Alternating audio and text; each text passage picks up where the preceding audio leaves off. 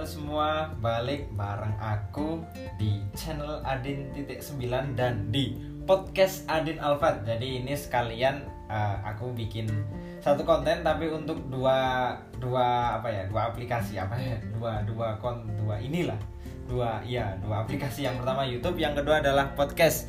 Jadi uh, video ini adalah untuk YouTube terus yang di sini ini aku ngerekam ya pakai ini HP ini adalah untuk podcast. Jadi ini mic ini untuk komputer untuk YouTube. Oke jadi di podcast kali ini kita akan membahas tentang pertanyaan 5 kenapa tentang menulis. Jadi kali ini aku akan menanyakan 5 pertanyaan kenapa tentang menulis. Oke langsung aja tanpa menunggu lama-lama kita akan masuk pada kenapa yang pertama. Kenapa yang pertama adalah kenapa menulis itu penting.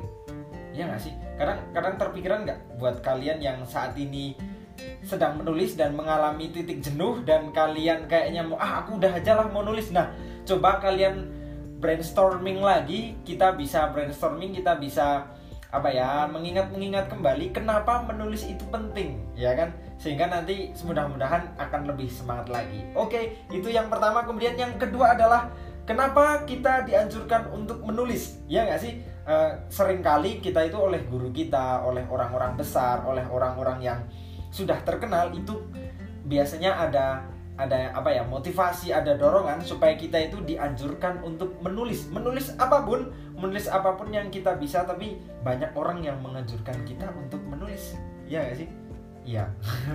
Oke, sekarang kita akan lanjut di kenapa yang ketiga, Danet.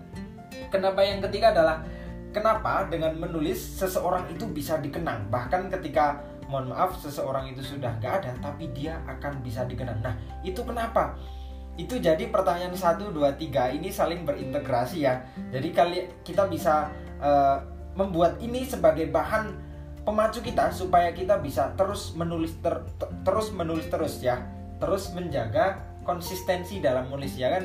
Kenapa ya? Kenapa kok kalau seseorang itu menulis dia akan bisa dikenang sampai tahun yang kapan-kapan kapan pokoknya dia bisa menjadi orang yang bisa dikenang oleh banyak orang.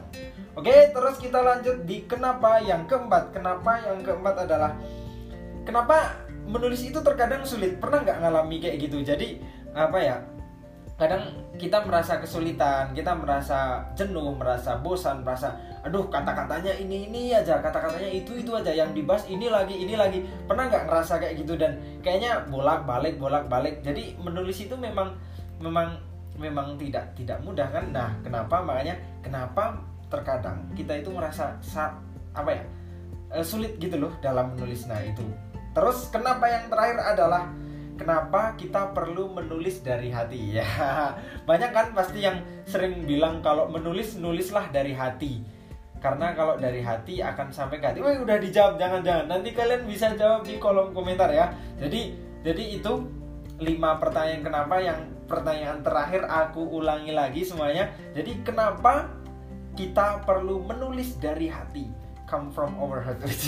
kenapa kita perlu menulis dari hati? Ya, kenapa ya? Itu bisa jadi pertanyaan yang dis bisa jadi pertanyaan yang memicu diskusi panjang ya kan? Karena ada kok yang menulis itu tidak tidak dari hati tapi aku pengen menanyakan kenapa kok kita perlu menulis dari hati. Oke, terima kasih sudah nonton channel Adin titik 96 dan sudah dengerin podcast Adin Alfat uh, mudah-mudahan bisa sedikit membawa perubahan di pikiran kita dan ada kosakata baru yang mampir di dalam otak kita dan tentunya bisa bermanfaat untuk kita semua baik untuk aku yang mengajukan lima pertanyaan ini ataupun untuk semuanya yang nonton video dan dengerin podcastku. Oke, terima kasih sudah nyimak. Bye bye.